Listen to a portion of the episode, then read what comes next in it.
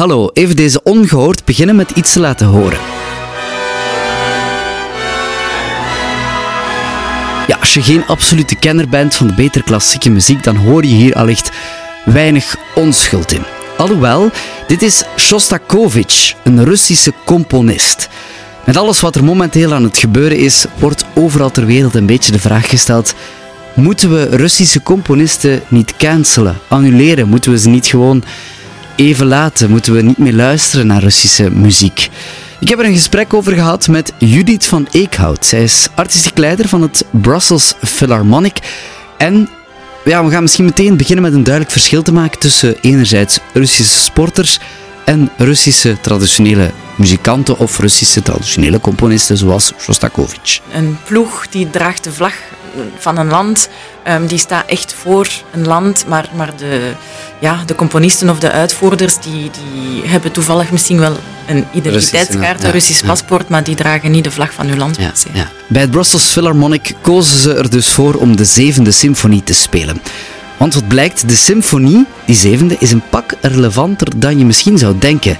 Het is een verhaal over anti-oorlog. En ik denk dat Shostakovich zelfs blij zou zijn mocht zijn muziek worden gespeeld. Een keuze waar ze uiteraard bij het Brussels Philharmonic dus helemaal achter staan.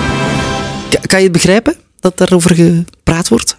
Uh, ik denk dat iedereen natuurlijk um, op het moment van de invasie enorm geschokt was en, en zeer emotioneel ook was door, door de agressie en de situatie, uh, waardoor dat er wel een beetje nervositeit is ontstaan.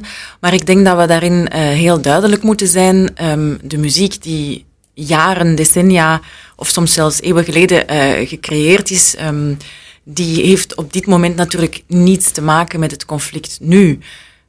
Iets anders is natuurlijk een, een muzikant, een artiest uitvoerend die heel dicht staat bij Poetin en, uh, en natuurlijk het conflict niet veroordeelt. Dat is een volledige andere kwestie. Maar dat is gebeurd met een dirigent, geloof ik. Hè? Dat is een dirigent die uh, ooit iets te maken had. Ik denk dat hij ooit iets gespeeld had voor Poetin en ze hadden hem daarna gevraagd. En hij wou zich daar niet over uitspreken en die heeft zijn hele westerse tour eigenlijk gecanceld uh, ja. gezien. Hè? Hebben jullie getwijfeld bij het Brussels Philharmonic om de voorstelling te cancelen, ook naar aanleiding van alles wat er gebeurd is? Wij hebben niet getwijfeld. Voor ons was het meteen duidelijk dat we deze symfonie wel moeten brengen. Um, enerzijds inhoudelijk uh, is het een, een, symfonie die geschreven is tijdens het beleg van Leningrad. Um, dat was toen een, een Russische stad die werd aangevallen door uh, de, de nazi's. Maar het is uh, aan zich effectief een, een symfonie die een boodschap in zich draagt tegen geweld, anti-terreur, anti-agressie. En voor ons was het heel belangrijk uh, dat we die boodschap wel kunnen brengen en, en ook kunnen zeggen van kijk, die symfonie op zich heeft niets te maken met het conflict vandaag, maar geeft wel een boodschap van mm vrede. Ja. Jullie hebben ook een standpunt erover ingenomen op jullie website. Um, no war, wel cultuur. Um, leg dat misschien nog even kort uit. Hoe verhoudt de Brussels Philharmonic zich ten opzichte van uh, wat er aan het gebeuren is in de wereld?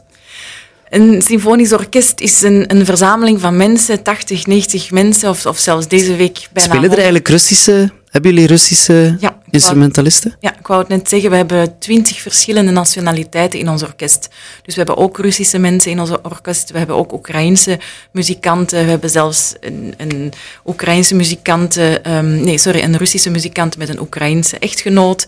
Uh, Zwitsers, Fran Fransen, Japanners, etc. Dus voor ons is het heel um, eigen aan het orkest om met zoveel nationaliteiten op het podium te zitten en eigenlijk samen die eenheid te vormen en, en um, ja, voor een artistiek doel te gaan en de mensen te ontroeren. Um, ja, muziek brengt mensen samen eigenlijk. Ja. het, is, het is talk of the town, kan ik me voorstellen wel, tussen alle instrumentalisten, wat er momenteel aan het gebeuren is. Ja, het leeft. Zeker met die international community. Ja, ja, ja zeker. Het is ja. uh, best emotioneel. Ja. Heb je gesproken met uh, een van de Oekraïnse instrumentalisten bijvoorbeeld? Ja, ja. En wat zeggen zij? Ja, dat is natuurlijk. Um, zij zijn heel hard betrokken, hebben vaak nog familie, uh, ook in Oekraïne. Dus, uh, dus ja, dat is zeer emotioneel. Misschien nog even over die zevende, zevende hè, van Shostakovich. Het is eigenlijk.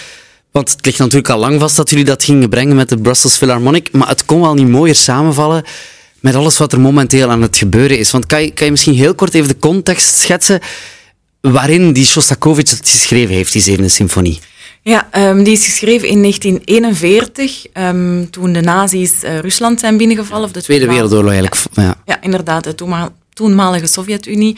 Um, um, Shostakovich is eraan begonnen eigenlijk vlak voor het beleg van Leningrad, Sint-Petersburg, uh, maar heeft ze eigenlijk afgemaakt tijdens het beleg. Dus het is eigenlijk echt een symfonie geworden die um, symbool staat voor uh, ja, anti-oorlog. Het is echt een aanklacht tegen het geweld.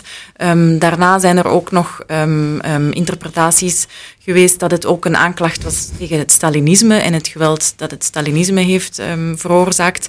Dus er zijn heel veel verschillende interpretaties en, en boodschappen mogelijk. Uh, Shostakovich is, is een, een, een, componist die, die um, niet altijd even duidelijk te lezen valt, waar, waar, waar, al heel veel onderzoek is over gedaan.